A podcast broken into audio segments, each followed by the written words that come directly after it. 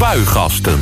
Welkom, je luistert naar Spuigasten, het politieke radioprogramma van Den Haag FM... vanuit de Centrale Bibliotheek aan de Spui. Tot 12 uur neem ik de afgelopen politieke week door samen met gasten.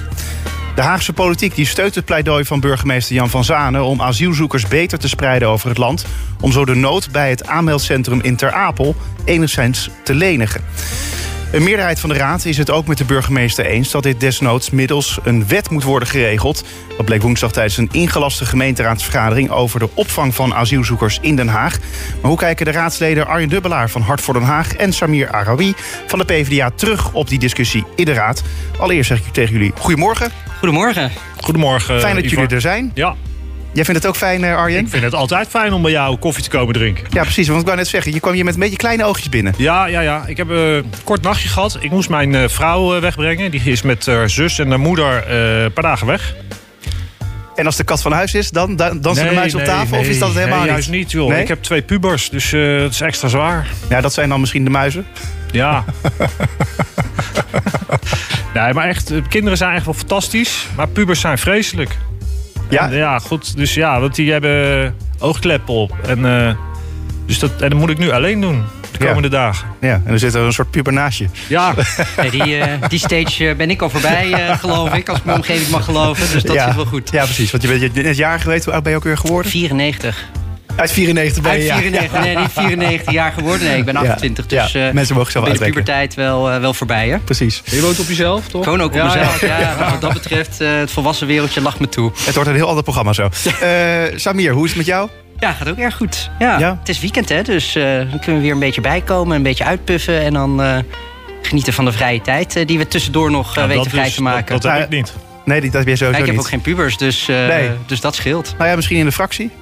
In de fractie hebben we ook geen pubers rondlopen, dus dat scheelt ook. eh, maar het is goed om na zo'n week eh, even weekend te hebben. Maar even zonder gekheid. ehm, ja, bij de PvdA, je moet het bijna allemaal in je eentje doen nu. Valt mee. We, zijn, mee, eh, we ja. hebben een club van vijf man sterk, zonder wethouder. Dus, en we hebben heel veel vrijwilligers die zich in de vereniging ook heel actief houden. Dus we hebben een vrij grote schappelijke club. Nee, dat is waar. Maar goed, uiteindelijk is het wel zo dat eh, bijvoorbeeld eh Mikal is er nu niet. Ja. Ehm, nou goed, Janneke was volgens mij eh, onlangs Hoe, eh, hoe Janneke Holman. Mikal? Eh, ja, gaat goed. Ze is natuurlijk eh, nog met, met ziekteverlof en ook aan het herstellen. En eh, we hopen dat ze er vanaf eh, januari gewoon weer, gewoon weer kan zijn. Ja. Nou, fijn. Nou, dat is eh, toch wel weer goed nieuws Ja. zo aan het begin van het programma. Arjen, nog goed nieuws? Heb ik nog goed nieuws? Het is een moeilijke vraag hè, voor eh, Arjen eh Ivar op de vroege ochtend. Eh, heb ik goed nieuws? Ja, ik heb een, heel, ik heb een fantastisch mooi leven. Eh, ik zit bij een fantastische partij. Ik, eh, daarom zit ik hier. Dus ik, ik, ja, nee. Goed nieuws. Mijn hele leven is goed nieuws. Nou, dat is toch fijn om te horen. Goed, dan gaan we terugblikken op de afgelopen week. Het politieke weekoverzicht. Maandag 31 oktober. Ja, treinsreizigers die moeten vanaf eh, maandag 7 november regelmatig rekening houden met overvolle treinen en vaker overstappen. Door een aanhoudend personeelstekort bij de Nederlandse spoorwegen gaan er minder intercities rijden tussen onder andere Den Haag Centraal en Amsterdam Centraal. Vooral in de daluren overdag en vrijdag de hele dag wordt de dienstregeling versoberd. Pakken jullie zelf nog wel eens eh, de trein, Samir? Ja, ik bijna niet meer. Toen ik nog in Rotterdam eh, werkte, toen eh, pakte ik nog wel eens de trein. Maar nu ik in Den Haag eh, werk, stap auto? ik gewoon op de fiets. Oh. Nee, ik stap gewoon op de fiets. Nee, die autoverbinding is net, het is te kort en niet handig. Dus nee, de trein gebruik ik iets minder vaak. Maar soms ja, in het weekend wel eens. En het wordt drukker. Dus je denkt toch af en toe wat vaker na over... nou, wil ik dan met de trein of wil ik toch een ander vervoersmiddel gebruiken? Heb je dat zelfs? Of heb jij dat zelfs? Nou, nee, maar ik vind wel, het, het is wel doorgeslagen inmiddels. Als je ziet hoe hè, de dienstregeling eh, steeds soberder wordt. Als je ziet dat de kaartjes duurder worden. Dat het dan ook steeds minder comfortabel wordt om in zo'n trein te zitten. Snap ik heel goed dat heel veel mensen toch twee keer eerder eh, langer nadenken over of ze de trein nog wel willen nemen of niet. Ja. Arjen, je kijkt heel vies bij het woord trein. Nee, nee, nee. nee. Trein is echt een fantastisch mooi vervoersmiddel. Eh, mooie herinneringen aan toen ik jonger was. Eh, Interrail en zo. En mijn dochter zit iedere week in de trein. Die heeft een vriendje wat verder weg. En die treinen. Ja.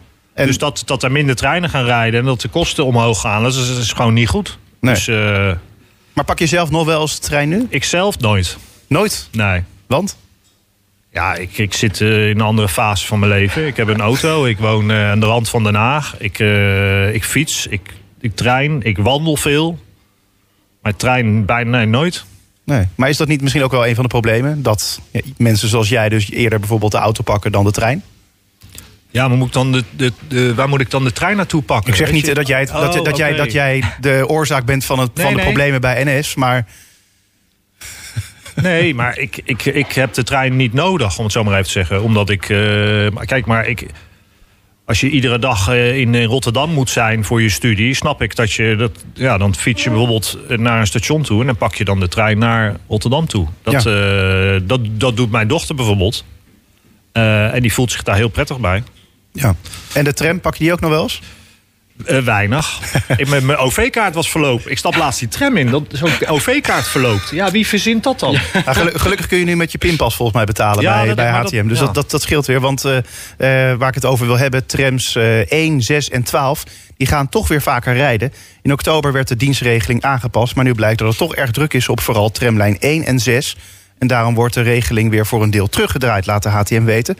Vind je dat een goed besluit, eh, Samir? Ja, zeker. En eh, het sluit eigenlijk aan bij de vorige discussie. Hè? Als je wil dat mensen vaker de auto laten staan... en juist voor kortere of wellicht langere afstanden... eh, gaan kijken naar het openbaar vervoer... dan moeten we er gewoon echt voor zorgen dat het openbaar vervoer ook aantrekkelijk is. Dus dat is gewoon vaker laten rijden, goedkoper... Ehm, en als we dat niet regelen met z'n allen, ja, dan is het ook niet heel gek dat mensen naar alternatieven blijven gebruiken. Dus hoe vaker die tramlijnen, daar hebben we het nu over 1, 6, 12. Maar dat geldt ook voor andere eh, tramlijnen natuurlijk. Er valt gewoon nog heel veel te winnen. Eh, dus liever vaker laten rijden, alle lijnen, dan, eh, dan minder. Dus goed besluit. Ja, maar wat ik dan niet begrijp eigenlijk is dat deze keuze maakte de HTM op basis van bezuinigingen. Het was een bezuinigingsoperatie dat ze ook minder moesten gaan rijden. Dan moeten ze dus nu ergens anders gaan bezuinigen, denk ik. Of zouden ze dan dus weer meer inkomsten hebben, omdat er dus meer mensen met de tram eh, eh, gaan, waardoor ze dan wat ruimer in een jasje zitten. Weet jij dat? Nou, we hebben natuurlijk de afgelopen tijd wel discussies gehad over hoe de metropoolregio als financierder onder andere van de HTM eh, nog bij de, HTM bij zou kunnen staan. De HTM had ook al aangegeven van nou ja, we moeten toch genoodzaakt zijn om die kaartjes omhoog te schroeven. Nou, dat is iets waar we volgens mij in de gemeenteraad allemaal van zeggen. Nou, dat moet je eigenlijk absoluut, moet je absoluut niet doen. En we hopen ook echt dat de gemeente de druk blijft opvoeren op de MEDA om echt naar alternatieven te zoeken. Eh, en dat er toch geld moet worden uitgetrokken om het openbaar vervoer betaalbaar te houden. Maar dat het openbaar vervoer het nu heel zwaar heeft, eh, is, ja, dat, is, dat blijft een feit. Ja, precies. Arjen, hoe kijk je daarnaar? Nou, ik denk dat het goed is dat, het A- dat de ATM voorschrijdend inzicht heeft, zeg maar, om eh, die minder trams terug te draaien. Want je wil de mensen niet de tram uitjagen. Eh, ik denk dat het sowieso veel beter kan. Eh, het OV, want het is inderdaad te duur. Nou ja, goed, ik begrijp dat eh, mijn collega Damien Sella daar van de week in de commissie mee bezig is geweest. Oproep gedaan om die BTW te verlagen. Of te, af te schaffen. Nou, dat, dat gaat via het Rijk. Maar goed, dat vond, ik meen, de hele raad. Jij was er zelf bij? Ik was er zelf niet, Ik, eh, nee. ik ook niet. Eh, maar ja, er zijn natuurlijk nog wel meer dingen in de eh, aan de hand hier in Den Haag. Hè. Dat is dat, eh, dat de tramhaltes verdwijnen. En, dat, eh, nou ja, dat is, dit- en de nachtbus die niet meer rijdt. Omdat er moeite is om daar chauffeurs voor te krijgen. Dat verdient ook aandacht. Dus het is belangrijk om goed OV te hebben. Precies. Dus eigenlijk, ja, dit is een, we zeggen nu een stap in de goede richting, maar eigenlijk had het natuurlijk nooit nou ja, die frequentie moeten worden verlaagd. Dat is het toch eigenlijk? Ja, Precies. Ja, dus eigenlijk is het helemaal niet goed. Eh, het moet beter, dat is het vooral Zeker. toch, Samir? Ja. Ja. Goed, dan gaan we naar, door naar de volgende dag. Dinsdag 1 november. Het is onveilig op de koekamp. Dat stelt Hart voor Den Haag. Laten we even luisteren naar Rita Verdonk. De overlast komt van eh, ja, een aantal eh, eh, zwervers, ja, mensen zonder, dak, zonder vaste woon- of verblijfplaats, die eh, daar wonen in die tentjes eh, op de koekamp zelf. En eh, ja, die eh, komen de winkels in en die halen allebei, allemaal nare dingen uit. Ja, wat voor nare dingen moet ik dan aan denken, Rita?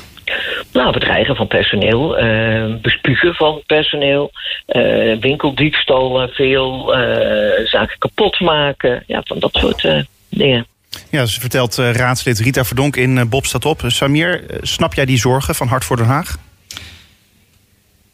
Dat, Zo. er, dat we in Den Haag Doet het pijn of zo? Nou, nee, het doet geen pijn. Even Nou, nadenken. Nou, nee, het- wat ik hier moeilijk aan vind... is dat we hebben in Den Haag echt wel veel te doen... als het gaat om daklozen, als het gaat om arbeidsmigranten.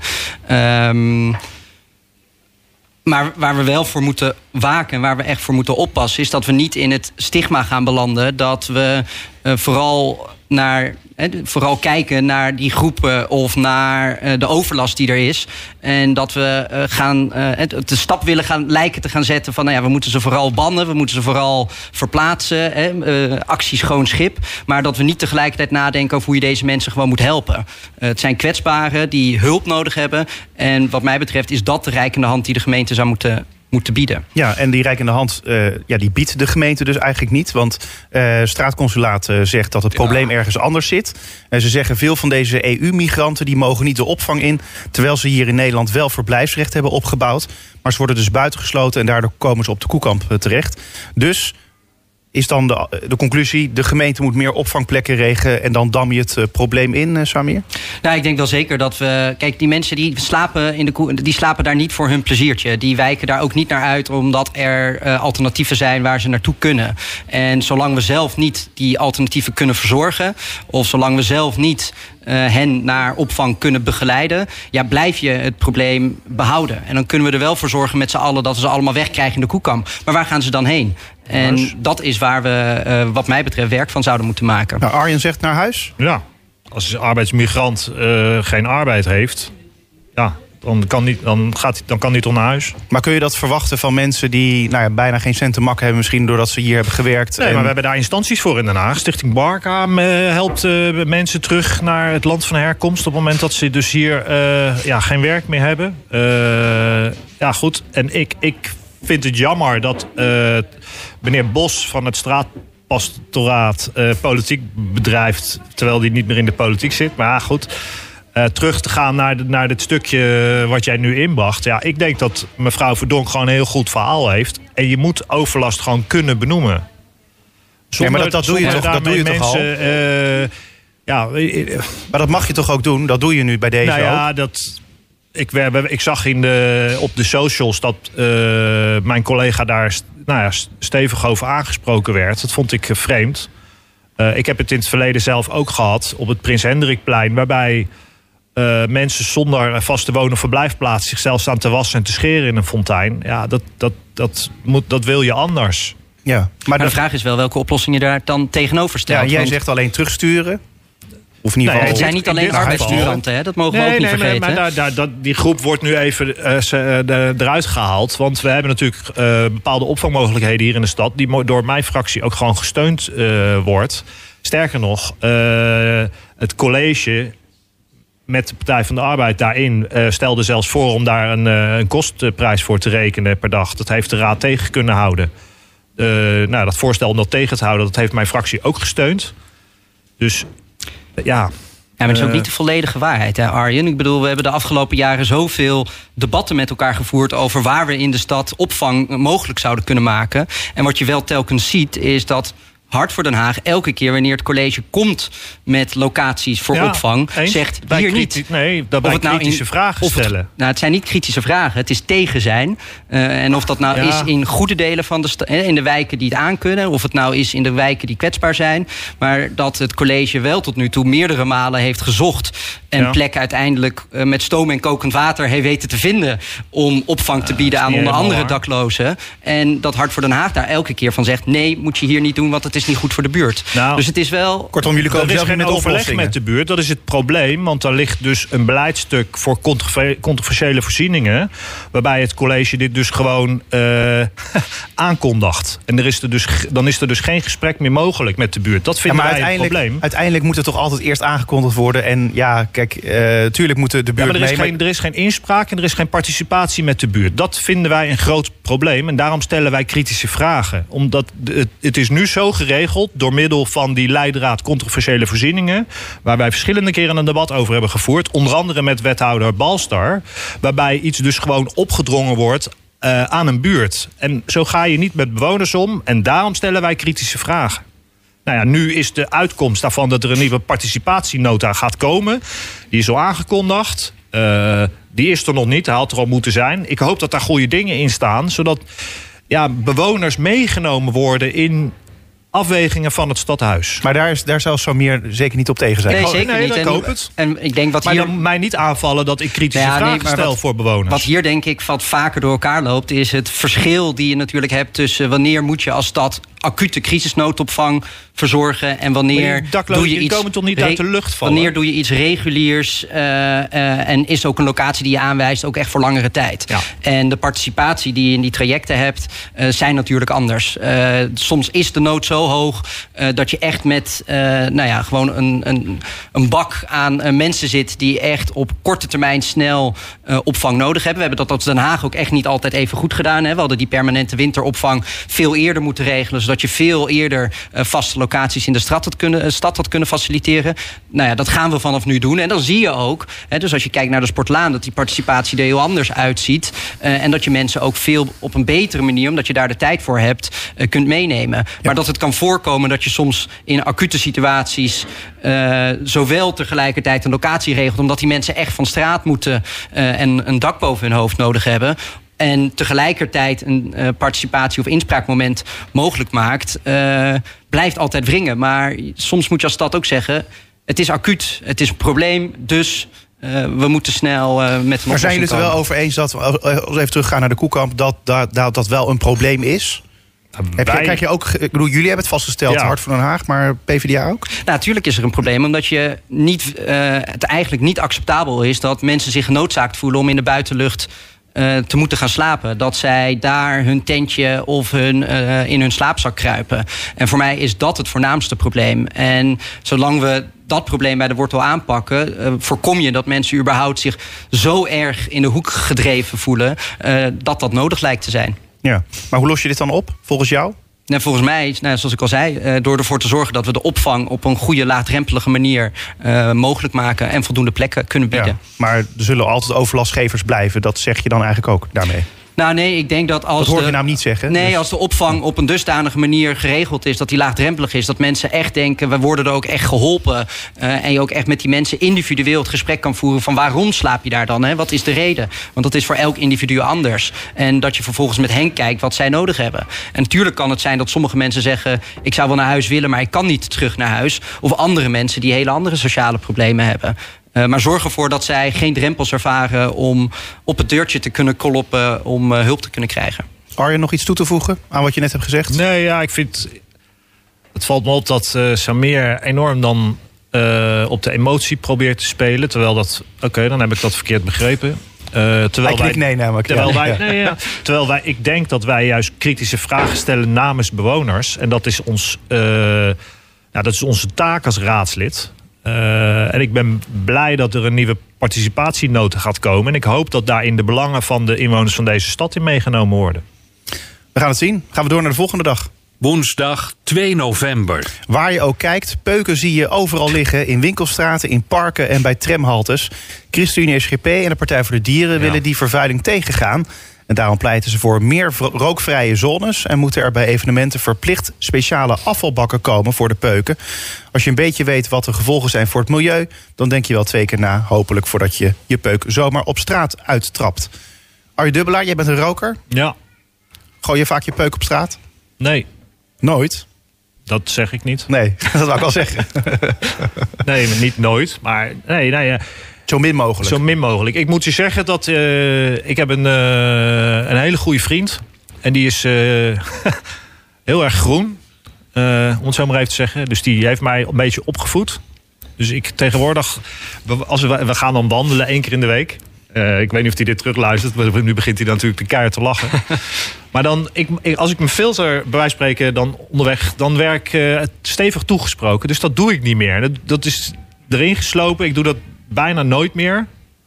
Uh, als er dus geen asbak in de buurt is.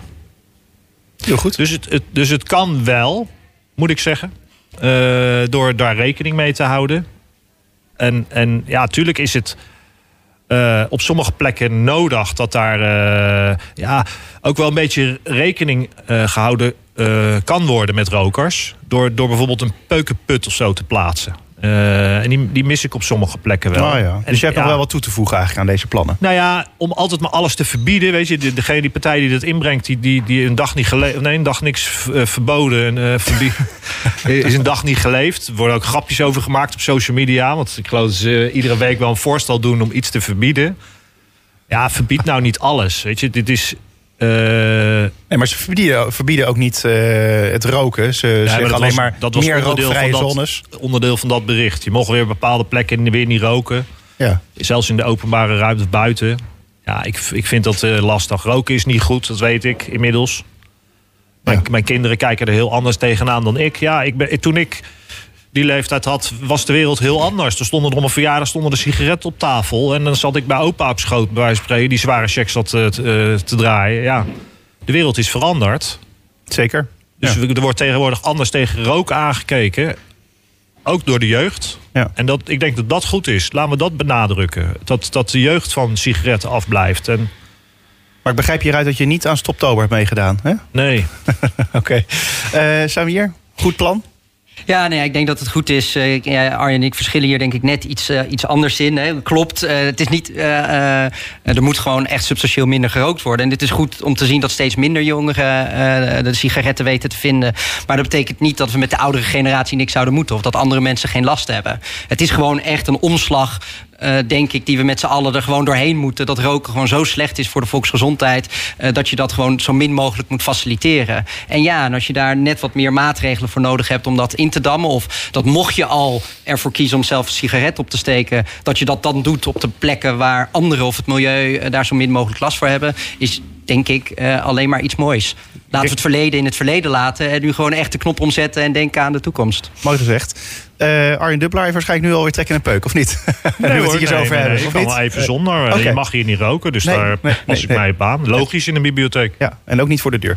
Eh, dan gaan we snel door naar de volgende dag. Donderdag 3 november. De poller op de Escamplaan die Oh, is donderdag twee keer aangereden. Volgens de politie staat de teller inmiddels op 50 botsingen. Eh, ik heb wel het idee dat de roep om een alternatieve oplossing... dus in plaats van de poller mag steeds luider wordt. Eh, bij Hart voor Den Haag weten we dat, hoe jullie erover denken. Eh, moet die polder daar wel blijven staan, Samir? Ik eh, eh, zou. Het, het is veel te simpel om te zeggen. eh, er rijden hier mensen tegenaan, dus haal de pollen maar weg en dan hebben we alles opgelost. Dat is toch heel simpel, volgens Nou, mij? nee, het is, ja, het is misschien simpel om ervoor te zorgen dat mensen er nu niet tegenaan botsen. Maar we hebben die polders daar niet voor niks geplaatst. Omdat de buurt veel overlast had van verkeer. Dat je zag dat de ambulance steeds moeilijker op die locatie ook het ziekenhuis wist te vinden. Dus dat die poller daar staat. Eh, om het verkeer in die buurt in te dammen. eh, dat lijkt me heel goed. Dat lijkt me heel nodig. Dat is wel gelukt, 50 Eh, keer. Ja. Dat is 50 keer, eh, 50 keer gelukt. Eh, maar dat er iets anders moet gebeuren om er in ieder geval voor te zorgen dat er minder eh, auto's tegenaan knallen, dat eh, is evident. En dat is ook eh, wat mijn partij vindt. Ja. Eh, jullie stellen volgens mij al wel vaak voor om, om een camera neer te zetten. Of misschien een slagboom Ja, sinds, jullie al sinds het begin eigenlijk, sinds dat ding daar staat. Want het is gewoon een heel naar ding. Eh, ja. Nou ja, die pollen kan er zelf niet aan, uit- wat aan doen, toch? Pollen uit camera erin. Kijk, ik wil, ik wil best nog, wij willen best nog wel eh, begrijpen dat je daar geen doorgaand verkeer eh, wil. Maar dat, dat kan op andere manieren kan het gewoon ingeregeld worden. Dat zie je namelijk ook in andere steden gebeuren. Waarbij er gewoon een camera hangt. Je mag daar niet doorheen. En dan krijg je automatisch een bekeuring thuis. Dit is, dit is echt misdadig wat hier gebeurt. En, ik, en ik, ik vind het onbegrijpelijk dat jij als raadslid het beleid van wethouder van Asten gaat zitten verdedigen. Ik snap er echt helemaal niks Het is nu. Anne Mulder, hè? Die, Ja, eh, Anne Mulder. Ja, ja, Anne Mulder begint te twijfelen. Want die heeft zoiets over... ja, ga ik die erfenis van Van Asten zitten verdedigen? Want, want dit klopt gewoon niet. Gewoon. Als je, eh Sjaak Bral had vandaag een mooie column... In, de, in het AD staan over die Pollard. Die zou je, die zou je eens moeten lezen. Ja, nee. Dit, dit is niet normaal. En tuurlijk... Dan, krijg, dan zie je signalen van mensen die daar tegenaan rijden... die moet je de rijbewijs afnemen. Maar als daar 50 mensen ergens tegenaan rijden... Ja, ik ben geen verkeersdeskundige... maar dan, ik durf dan wel te constateren dat er iets niet klopt.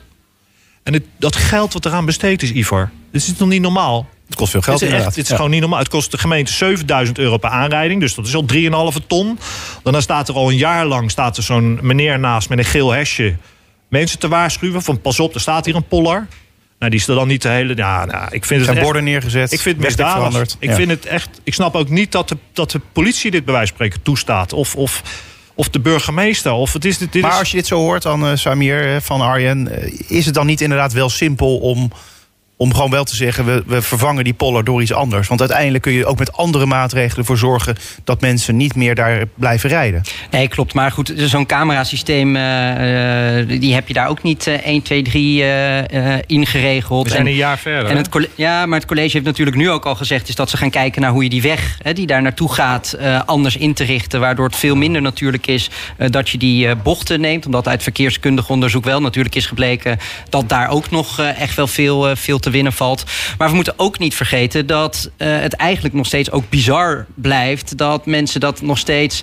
Uh, zonder uh, nou ja, over na te denken ergens tegenaan knallen. Hè? Want als je die kant op gaat, als je ziet hoeveel borden daar nu hangen, hoeveel verkeers, verkeersregelaars, ja. je zei het al, daar gestaan hebben. En dat het dan nog steeds lukt dat 50 mensen er tegenaan knallen, dan gaat er iets substantieels mis. Ja. Um, maar de buurt heeft het nog steeds nodig dat die auto's er niet doorheen gaan. En ik denk dat we met z'n allen er scherp op moeten blijven. Dat we bezig blijven om alternatieven te zoeken. Nou, nu komt die andere verkeersomleiding. Uh, ik ben benieuwd ja, of dat gaat, alleen, alleen of om dat gaat helpen. te laten staan. Zodat Van Asten daar geen... Uh, ja, blauwtje oploopt of zoiets. Want die heeft dat politiek nee, maar we moeten ook wegblijven van uh, specifieke personen of uh, in nou het college. Okay, die is college, geen, sorry die is dan. geen ja, uh, we, wethouder van Asten. Je kan het geen, ook gewoon een keer zeggen als college meer. van joh, dit was niet zo slim van ons, niet zo handig. Ja, maar weet je... En dan ja, zijn ze bang voor, van, voor schadeclaims of zo. Ik snap het gewoon echt niet. Ja, en wat ik het... niet helemaal snap is... volgens mij zijn we het eens met elkaar... dat er maatregelen getroffen moeten worden... en dat het nog steeds bizar is uh, hoeveel auto's er tegenaan knallen. Maar we moeten ook niet doen dat op het moment dat wij die polder omlaag doen... en we bij wijze van spreken volgende week daar een ander systeem hebben... dat we daarmee alle problemen hebben opgelost. Dan hebben nou, we misschien Dan hebben we, nee, dan hebben we aanrijdingen hebben we opgelost en voorkomen... maar dan hebben we nog steeds met een ander probleem te maken. En dat Wel, is dat er dan? toch te veel auto's die wijk uh, op die manier ingaan. Nee, want die krijgen dan een bekeuring thuis. Ja. Het gebeurt in Delft ook op deze en denk manier. je dan dat we komend jaar die weg niet vol staat met andere auto's? Omdat ze. Nou, dan krijgen we een andere discussie. Dan willen we schadeclaims Levert van wel- bijvoorbeeld- Tikt Ja. aan hoor, van als je daar... eh, Levert wel veel geld weer op. Ja. Misschien eh, kan dan het verlies weer worden ingelopen. kunnen we die pollers Goed. weer mee betalen. Ja, precies. Laten we dan naar een ander onderwerp gaan van donderdag. Het kabinet gaat binnenkort namens Nederland excuses aanbieden voor het slavernijverleden. Haagse bronnen bevestigen een bericht erover van eh, RTL Nieuws. En het eh, betekent niet dat er directe financiële compensatie komt voor de nazaten van tot slaafgemaakten voor de schade uit het verleden. Eh, Samir, je vindt dit vast positief nieuws. Ik vind het heerlijk. Leg dit uit. is echt eh, goed, heel broodnodig. Eh dat we dit deel van onze geschiedenis, die zo zwart is, eh, op toch eh, daar nu stappen in gaan zetten om dat op een goede manier af te kunnen sluiten. Dat we heel veel mensen die daar oprecht nog steeds pijn aan hebben, omdat het eigenlijk helemaal niet zoveel generaties geleden is, eh, dat dit zich heeft afgespeeld. En dat we dit gewoon gaan benoemen. Dat we dit gaan accepteren. Dat dit onderdeel is van onze geschiedenis. Daar hoeven we niet voor weg te duiken. Maar het betekent zoveel dat we deze stap uh, nu gaan zetten. Ik ben blij dat het kabinet dit gaat doen. We zijn er in Den Haag natuurlijk ook al langere tijd uh, mee bezig. Er wordt ook een onderzoek gedaan naar wat de Haagse slavernij uh, verleden is. Dus daar kijken we ook echt wel uit naar wat daar de uitkomsten van zijn. Maar dit is zo nodig om eens, om in ieder geval een eerste stap te gaan zetten in het op een goede manier afsluiten van onze geschiedenis.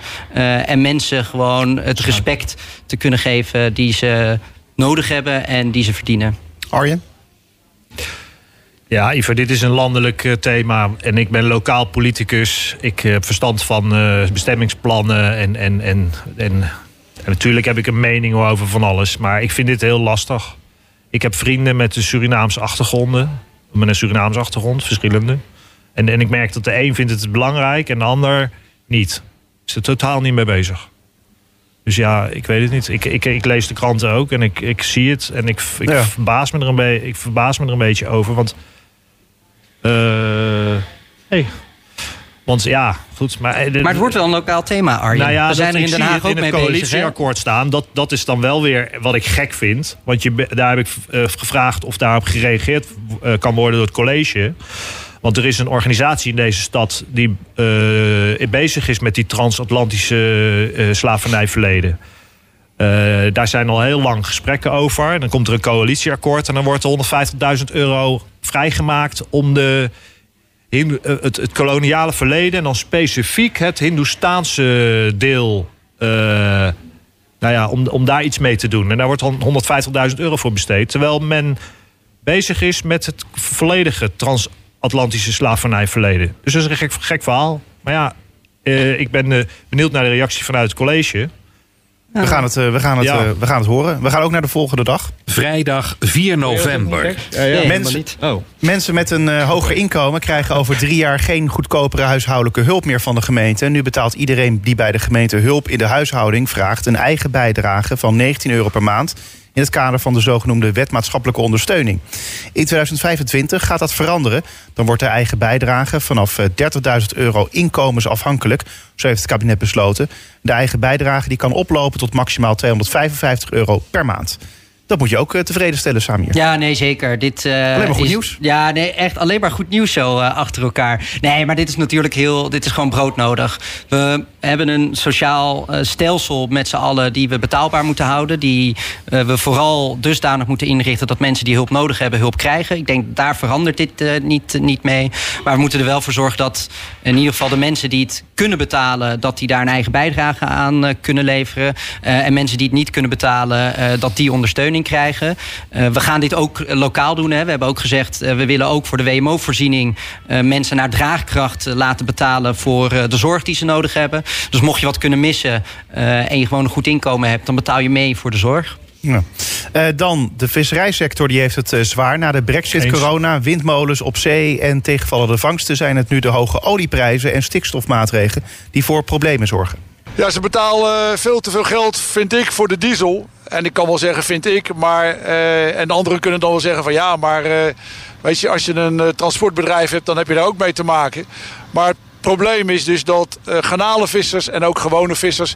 die kunnen die eh, dure gasolie niet verrekenen met de visprijs. Want de visser bepaalt namelijk niet de visprijs. Die visprijs die wordt bepaald op de afslag. Ja, veel vissers die zijn eh, genoodzaakt om te stoppen. En de Scheveningse broers Arie, Rien en Barry Rog... die kunnen het nu nog wel volhouden. Maar de toekomst is hoogst onzeker. Eh, ja, Arjen, eigenlijk horen we elke week wel een beroepsgroep... die in zwaar weer zit door die Ja. energiecrisis. Maar dit raakt onze economie op Scheveningen. Nou, ja, ook. Eh, Het raakt ons economie in Den Haag in al haar facetten. Want je ziet uiteindelijk bakkers die het niet meer trekken, slagerijen die dichtgaan om- omdat ze de eh, energielast niet meer kunnen betalen. Alle kosten stijgen. Het is een, het is, er komt een ramp op ons af van ongekende op, eh, omvang. En daar moet, eh, daar moet wat mee gebeuren. Nou ja, ik zie dat er met energiekosten iets gebeurt op die particuliere, aan de particuliere kant. Maar we moeten de ondernemers niet vergeten. Want zonder die ondernemers ja, kunnen we niet door. En, en het is, het is ja, die schijnende verhalen, ik vind dat echt, echt heel erg. Samir? Ja, nee, helemaal eens. Ehm, eh, maar wel met natuurlijk de boodschap dat we dat als Den Haag echt niet alleen kunnen. Het is net wat je net al zei, Ivar. Je hoort deze verhalen van sportverenigingen Ja. die echt eh, kopje onder dreigen te gaan. Je hoort de verhalen van eh, scholen die zoveel stookkosten nu hebben. dat, het bij, dat zij nu hun eigen budgetten voor docenten moeten gaan inzetten om de verwarming te kunnen, te kunnen laten stoken straks. En zo zie je dat eigenlijk in alle sectoren iedereen echt een beetje op het tandvlees zit om de rekeningen te kunnen blijven betalen. En ik vind dat het kabinet daar wel echt stappen in moet gaan zetten Ja. om ervoor te zorgen dat onze samenleving niet kopje onder dreigt te gaan. Ja, het is, want het is iedere keer een andere doelgroep. En het zijn vooral die kleine zelfstandigen die, die, die, die gewoon keihard geraakt worden. En daardoor dan de deuren moeten sluiten, omdat het onderaan de streep gewoon niks meer opbrengt. Ja, dan kan je wel doorgaan in, in je spaarcent. Ja, dat, maar dat is, geen, dat is onhoudbaar op lange termijn.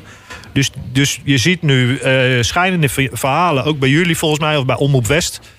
eh, zag ik filmpjes van, eh, van ondernemers die dan ja, in tranen zeg maar, voor de camera staan. Ik vind het, ik vind het echt heel erg. Gaan we naar de laatste dag. Zaterdag 5 november. Het blijft de komende jaren tandenknarsen voor Hagenaars. De werkzaamheden aan de tramlijnen zijn niet in 2025, maar pas in 2027 afgerond. Ondernemers die houden hun hart vast. Arjen, daar jij ook? ze weer. Ja, ik ook. Ja. En het, maar, gelukkig krijgt dit aandacht in de, in de Haagse gemeenteraad. Ik heb begrepen, mijn collega Ralf Sluis is enorm aan het uh, stampij aan het eh, maken geweest op eh, nadeelcompensatie. Daar, daar zat het stadhuis heel lastig in. Nou, je ziet dat die, dat die ondernemers daar enorm veel last van hebben. Eh Zeehelder kwartier is dat, die straten helemaal afgesloten. Nou, dat gaan we op meer plekken krijgen. Uh, het is goed dat daar naar die nadeelcompensatie voor uh, ondernemers gekeken wordt. Uh, Eh, omdat die mensen gewoon keihard geraakt worden. En we, en we willen ze niet kwijt. Want we hebben ze ook gewoon nodig. Hè? Eh, voor de werkgelegenheid, in het straatbeeld, voor onze dagelijkse boodschappen. Als we straks eh, alleen nog maar bij die, bij die grootgutten terechtkomen. ja. Dus, Ja. dus ga, er, ga er goed mee om. Er gebeurt gelukkig wat aan.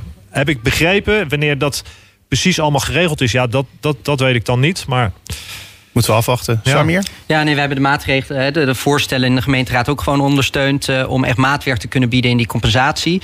Ehm, en er zit natuurlijk een hele stap nog vooraf. Dat is op het moment dat die werkzaamheden beginnen, is dat je echt wel samen met de buurt eh, op een veel betere manier moet kijken naar. Nou ja, wat gaat er gebeuren? Wat vergt dat? Wat is, de, hè, wat is daarvoor nodig? Eh, zodat mensen ook niet overvallen worden. En je veel meer een gelijkwaardig gesprek kunt voeren over wat er in de buurt gebeurt. Want daar profiteert als het af is ook diezelfde ondernemer natuurlijk van. Eh, maar in die tussenperiode moet er zo min mogelijk overlast zijn. Maar ze hebben nu in de krant waarschijnlijk moeten lezen dat het langer gaat duren. Tot zover het weekoverzicht. Meer nieuws vind je op onze website denhagefm.nl. Spuigasten. 100%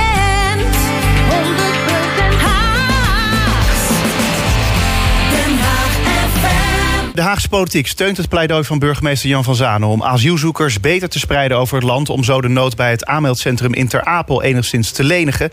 Een meerderheid van de raad is het ook met de burgemeester eens... dat dit desnoods middels een wet moet worden geregeld...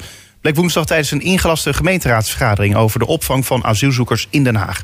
Hoe kijken de raadsleden Arjen Dubbelaar van Hart voor Den Haag... en Samir Araoui van de PvdA terug op die discussie in de raad? Maar voordat we even naar eh, de inhoud gaan... waren jullie blij, Arjen, dat het debat uiteindelijk wel door kon gaan? ja, Nee, ik heb, erom, ik heb erom gevraagd. En ik ben blij dat, ik, eh, eh, dat mij die gelegenheid geboden is. Zeker, snap ik. Ik vind alleen de uitkomst minder. Maar ja, Nee, daar dat we je niet verbazen. Samir, nog steeds een beetje heet geblakerd... dat jullie allemaal weer naar de raad moesten komen? Ja, wat ons betreft was het debat niet nodig geweest. Dat eh, hadden we voor het reces eh, uitvoerig eh, over eh, de opvang van vluchtelingen en asielzoekers gesproken. Dus eh, voor ons een onnodige avond waar er weinig niks, waar er eigenlijk niks nieuws gedeeld is. Je hebt Dus, er niks eh, aan gehad eigenlijk, denk je? Wij vinden, nee, ik ben van mening dat we er niks aan gehad hebben. Nee. Eh, laten we even luisteren nog naar wat Jan van Zanen tegen RTO Nieuws zei... over de opvang van vluchtelingen. Maar Als het zo is besloten, moeten we de pijn allemaal een beetje dragen. En als we dat niet vrijwillig doen, dan moet het eh, met een beetje duwen. Maar u bent ook VVD'er. Ik ben hartstochtelijk eh, lokaal bestuurder. Ik ben liberaal. Ik ben lid van de VVD. En, toch vind ik dat, wet. omdat ik vind dat pijn eerlijk moet worden verdeeld. Ja, van Zanen die zou wat Hart voor Den Haag betreft... niet moeten pleiten voor het verplicht verdelen van asielzoekers over het land... maar voor een complete asielstop. Eh, leg eens uit waarom, eh, Arjen. Ja, dit is een politiek standpunt wat hij hier doet. Waarin hij eh, met een pet op, eh, waarbij hij dan zo'n politiek standpunt gewoon helemaal niet moet maken. Hij is eh, daarnaast voor, of, hartstochtelijk bestuurder van een, van een grote stad, de gemeente Den Haag. Daar moet hij rekening mee houden. Hij heeft vanuit de gemeenteraad nooit de opdracht gekregen om zich als een lobbyist op te stellen op het landelijk toneel. En ik snap wel dat meneer van de Partij van de Arbeid zegt dat het debat overbodig was, omdat het in zijn straatje past. Want maar op het moment dat meneer Van Zanen daar op dat podium had gestaan en had gepleit, zonder opdracht nog steeds, voor een asielstop, tegenovergestelde, dan was het debat afgelopen week wel ineens nuttig geweest. Nou, daar, dat is ook een van mijn punten. En ik heb vanaf het moment dat dat asielplan werd eh, gepresenteerd, eind augustus, waarin echt maatregelen staan die desastreus zijn voor onze stad, heb ik direct geprobeerd om daar de heer Van Zanen op aan te spreken. Dat is me een aantal keren niet gelukt. Dat heb ik in de raad uitgelegd. De spreektijd hier is redelijk beperkt, dus dat ga ik niet nog een keer doen. Tot 12 uur. Dat, heeft me, dat, heeft, dat, heeft me, dat is me drie keer niet gelukt. En toen was ik daar klaar mee. En toen heb ik mijn fractie om toestemming gevraagd. En toen heb ik een eh, extra raadsvergadering aangevraagd. Omdat ik vind nog steeds dat wij onvoldoende rekening houden met wat er op ons af gaat komen. Het wordt een ramp voor Den Haag. Oké, nou duidelijk. Samir, Hart voor Den Haag, die heeft dus zorgen hè, over de leefbaarheid van de stad. Want die zou dus al onder druk staan. Hoe kun je die zorgen bij Hart voor Den Haag nou wegnemen? Want op zich zijn het reële zorgen. Ja, maar die, kunnen we niet, die gaan wij niet weg kunnen nemen. En dat is eh, eh, echt met de reden omdat ik echt vind dat als we kijken naar inderdaad hè, een woningcrisis, een onderwijscrisis, een zorgcrisis. Eh, maar waar we echt voor moeten oppassen is dat we die nu één op één gaan vermengen met een debat over in hoeverre ga je vluchtelingen en asielzoekers nog opvang kunnen bieden. Dat we bijna in zo'n debat lijken af te stevenen op dat we eh, vluchtelingen en asielzoekers de schuld gaan geven dat wij een woningcrisis hebben. Of de schuld gaan geven dat we nu problemen hebben dat eh, mensen hun boodschappen niet kunnen betalen. En dat is iets waar wij niet in meegaan. Maar je geeft ze toch niet de schuld? Je zegt alleen als stad, nou ja, Hart van Den Haag zegt... de stad is, eh, ja, wordt al onleefbaar. En als je nog meer mensen hier gaat toelaten... wordt de stad nog verder onleefbaar. Ja, maar dan moeten we wel kijken naar in hoeverre dat nou echt één op één te vertalen is. Eh, als wij als stad onze verantwoordelijkheid nemen en mensen in nood en mensen die kwetsbaar zijn eh, een helpende hand reiken, een helpende hand bieden, dan kun je mij niet vertellen dat het opvangen van, nou in dit geval duizend, ongeveer duizend mensen, de, een stad van 550.000 mensen ontregelt. Het gaat erom dat je dat op een goede manier kan doen, dat we ervoor zorgen dat we de andere problemen het hoofd kunnen bieden, maar dat we echt moeten wegblijven voor. Ja, maar kan je dat eens goed doen? Want dat is de grote vraag. Want je noemt net zelf op dat er allerlei crises zijn. Nee, maar in ieder geval zijn er heb- problemen in nee, de maar stad. ik heb in het debat ook gezegd... Hè, eh, de asielcrisis in Nederland is te groot om, om alleen door Den Haag opgelost te worden. Eh, maar er zit natuurlijk heel veel ruimte tussen volledig de deur dichtgooien... en te pleiten voor een asielstop en doen alsof, eh, nou ja, als we dat geregeld hebben... het kwaad is opgelost en we dan opeens geen woningcrisis meer hebben. Eh, of Ja, maar daar eh, wil als jij land, niet eens over praten. of als land ehm, eh, de schouders eronder te zetten. En gewoon zeggen dat iedereen zijn fair share moet nemen. Iedereen eh, zijn verantwoordelijkheid moet nemen om, een, om deze crisis op te kunnen vangen. En als je ziet, en dat zien we hier in de regio ook. Hè, we zijn als Den Haag een van de enigen die eh, nu op dit moment mensen opvangen. Terwijl alle omliggende gemeentes niemand opvangen. Terwijl dat wel de afspraak is. Ja. Laten we gaan naar Arjen. Een fair share nemen als gemeente. Den Haag is wel natuurlijk de stad van vrede en recht. Eh, dan moet je toch ook juist asielzoekers opnemen? Ik denk dat de, eh, de leefbaarheid in Den Haag ernstig onder druk staat. We hebben de armste wijk van Nederland. We hebben de ongezondste wijk van Nederland. We hebben een wooncrisis eh, die enorm piekt. Men verwacht een woningtekort van 7% over twee jaar. Dat betekent dat we 20.000 huizen in Den Haag tekort komen. We hebben daarna te maken met arbeidsmigranten. Daar valt heel moeilijk op te sturen. We moeten verplicht ontheemden uit Oekraïne opnemen. Wat op zich nog begrijpelijk is ook. Die mensen eh, zitten in een vreselijke oorlog. Ik zat vanmorgen een verhaal te lezen over een buitenstad van Kiev. Daar krijg je kippenvel van als je dat zit te lezen. Geldt een asielstop ook voor Oekraïners, Arjen? Asielzoekers worden consequent door elkaar gehaald met de term vluchtelingen. Dat, daar had ik het op Twitter over, daar reageerde hij weer op. Dat doen ze bewust om ons op eh, emotie te, te, te spelen. Ik heb het hier over dat Den Haag dat gewoon niet aan kan. Als we vorig jaar 35.000 mensen in Nederland asielzoekers zijn aangekomen. Dit jaar 55.000. De verwachting is volgend jaar 75.000. Je hebt het over zulke aantallen. Den Haag kan dat gewoon niet aan. We zitten nu aan 600 asielzoekers in deze stad. Dan hebben we al mensen hier in de binnenstad in hotels zitten. Dus waar wil je die andere duizend laten? Ik, het, ik zie het gewoon niet. Het kan niet. Los van het feit dat al die problemen die we al in deze stad Maar- hebben... we hebben het niet meer onder controle. Maar er zit natuurlijk hier een hele dubbele boodschap in. Eh, we gaan aan de ene kant nu weer problemen koppelen aan mensen. We gaan een semantische discussie voeren over wie is asielzoeker, wie is vluchteling, eh, wie is migrant. Daar gaat het wat mij betreft helemaal niet om. Het allerbelangrijkste is dat mensen in nood, mensen die vluchten om welke reden dan ook, eh, dat die als die op je deur kloppen van we hebben onderdak nodig, we hebben hulp nodig, dat je daar het gesprek mee voert, dat je daar je hulp voor aanbiedt. En natuurlijk nu echt de discrepantie en dat is echt iets wat, eh, daar hebben we het natuurlijk in het debat ook over gehad. Is dat Hart voor Den Haag wel de deur open wil gooien voor 2000, hè, wat is het, 2500 Oekraïners die we afgelopen jaar hebben opgevangen. Maar het andere deel van diezelfde asielcrisis van zegt daar moet een asielstop voor komen. En dat is het gekke, want in het vorige debat over het slavernijverleden, toen zei jij Arjen, ik ben lokaal politicus en ik ga me niet met landelijke thema's bezighouden. Maar een asielstop is ook helemaal niks lokaals. We kunnen als Den Haag niet zeggen we willen een asielstop. Want we kunnen geen bij eh, de sta- een, een nieuwe eh, stadsmuren om de stad Nee, er wel heen een verschil in Het dat- is dat je als burgemeester- je uitdraagt naar het kabinet. Ik ben hier woordvoerder op namens mijn partij, namens Hart voor Den Haag. Ik doe dit onderwerp al eh, langere tijd. Ik, ik ken de cijfers, ken ik door en door. En er komt een ramp op ons af. En dat lijkt niemand, nee, nee, niemand, dat lijkt een groot deel in de Haagse gemeenteraad niet in te zien. Nee, maar dat en komt- er wordt niet eens over gesproken. De, de, want Nou ja, er Den is wel Haag- over gedebatteerd. Den Haag raakt vol en men, men zegt... en dan heb je partijen zoals de Partij van de Arbeid... en die zegt van joh, deuren wagenwijd open. Kom maar naar Den Haag toe. Den Haag kan dat helemaal niet meer aan. We- en ik Dat heb heb de- je niet in mijn inbreng horen zeggen. heb- Dus laten we dan ook gewoon eh, terugblijven bij de feiten die er liggen. Volgens mij is de boodschap altijd geweest, zowel van het college, maar ook van de Partij van de Arbeid, dat op het moment dat mensen vluchten voor oorlog en geweld, op het moment eh, dat mensen eh, van verre afstanden deze kant op trekken. En dan moeten we echt wegblijven van het feit dat mensen met plezier hun huis achterlaten, hun familie achterlaten, de plek waar ze geboren zijn. Wie zegt dat dan? Niemand in de gemeenteraad zegt Nee, dat. maar je schuift het natuurlijk wel op die manier in onze schoenen. Dat wij de deuren nee, nee. wagenwijd openzetten. Dat- Alsof we een soort uitnodigingsbeleid Nou ja, hebben. dat- van hé, hey, hele wereld, kijk hoe Maar mooi Den Haag is, dat kom hier wonen. Je, dat zeg je in het debat, zeg je... iedereen in, mag naar Den Haag toe komen. Nou We ja, hebben- daarvan nee. zegt mijn fractie, daarvan zegt Hart van Den Haag...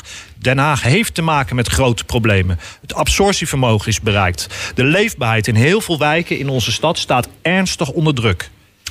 Dit is, maar dit is dus gewoon te simpel. En dat zagen we natuurlijk net in die andere discussie... toen we het hadden over de daklozen ook. Hè. We kunnen problemen eh, benoemen. Eh, en dat we een uitdaging als, als stad hebben, ja, dat klopt. Maar we moeten echt stoppen dat we er elke keer kwetsbare groepen de schuld gaan geven over dat wij de problemen in Den Haag niet meer aan zouden kunnen. Dat op het moment dat wij kwetsbaren gaan weren, dat we dan opeens als de stad ademruimte Zij, hebben. Dat was- zij, zij Samir Aroui van de PvdA en ja, ook Arjen Dubbelaar. Je je had het net erover, de tijd is erop, Ja. zit erop van, eh van Hart voor Den Haag. Helaas, ik wil je gerust nog eh, langer over doorpraten. Ja, want maar ik, dan buiten ik de uitzending. Voorzie, ik voorzie namelijk hele grote problemen voor stad. Dat is duidelijk, maar dat hebben jullie ook eh, beide kunnen, kunnen zeggen. Wat jullie wilden zeggen volgens mij. Eh, Samir Aroui van de PvdA en eh Arjen Dubbelaar van Hart voor Den Haag. Dank jullie wel beiden. En dan is nu tijd voor de column van Marcel Vrek. Stadgenoten. Deze week staat er in dit gebouw, de Centrale Bibliotheek, iets moois te gebeuren. Komende donderdag zal hier het inmiddels traditionele scholierendebat worden gehouden. Leerlingen van een aantal Haagse scholen komen bijeen om te praten over de boeken die genomineerd zijn voor de Landelijke Boekenbon Literatuurprijs. Dit initiatief is inmiddels geëxporteerd naar diverse andere steden en daar mogen we trots op zijn. We mogen ook trots zijn op die scholieren.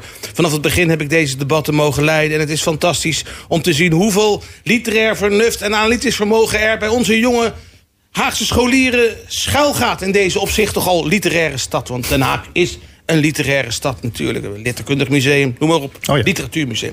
Scholieren ontmoeten ter plekke de schrijvers van het boek hier zo... dat ze hebben gelezen en dan ontstaan er schitterende conversaties. Die schrijvers hebben mij meermalen toevertrouwd... hoe ze hebben genoten van het jeugdig enthousiasme en de creativiteit. Ze kregen regelmatig dingen over hun eigen boek te horen... die ze zelf nog lang niet hadden gezien. Misschien moeten die scholieren ook eens met de regering gaan praten, zou ik zeggen. We moeten die open blik van de jeugd koesteren. En ik ben dan ook heel benieuwd wat het debat, waarbij ook een Haagse scholierenfavoriet wordt gekozen, aanstaande donderdag gaat opleveren.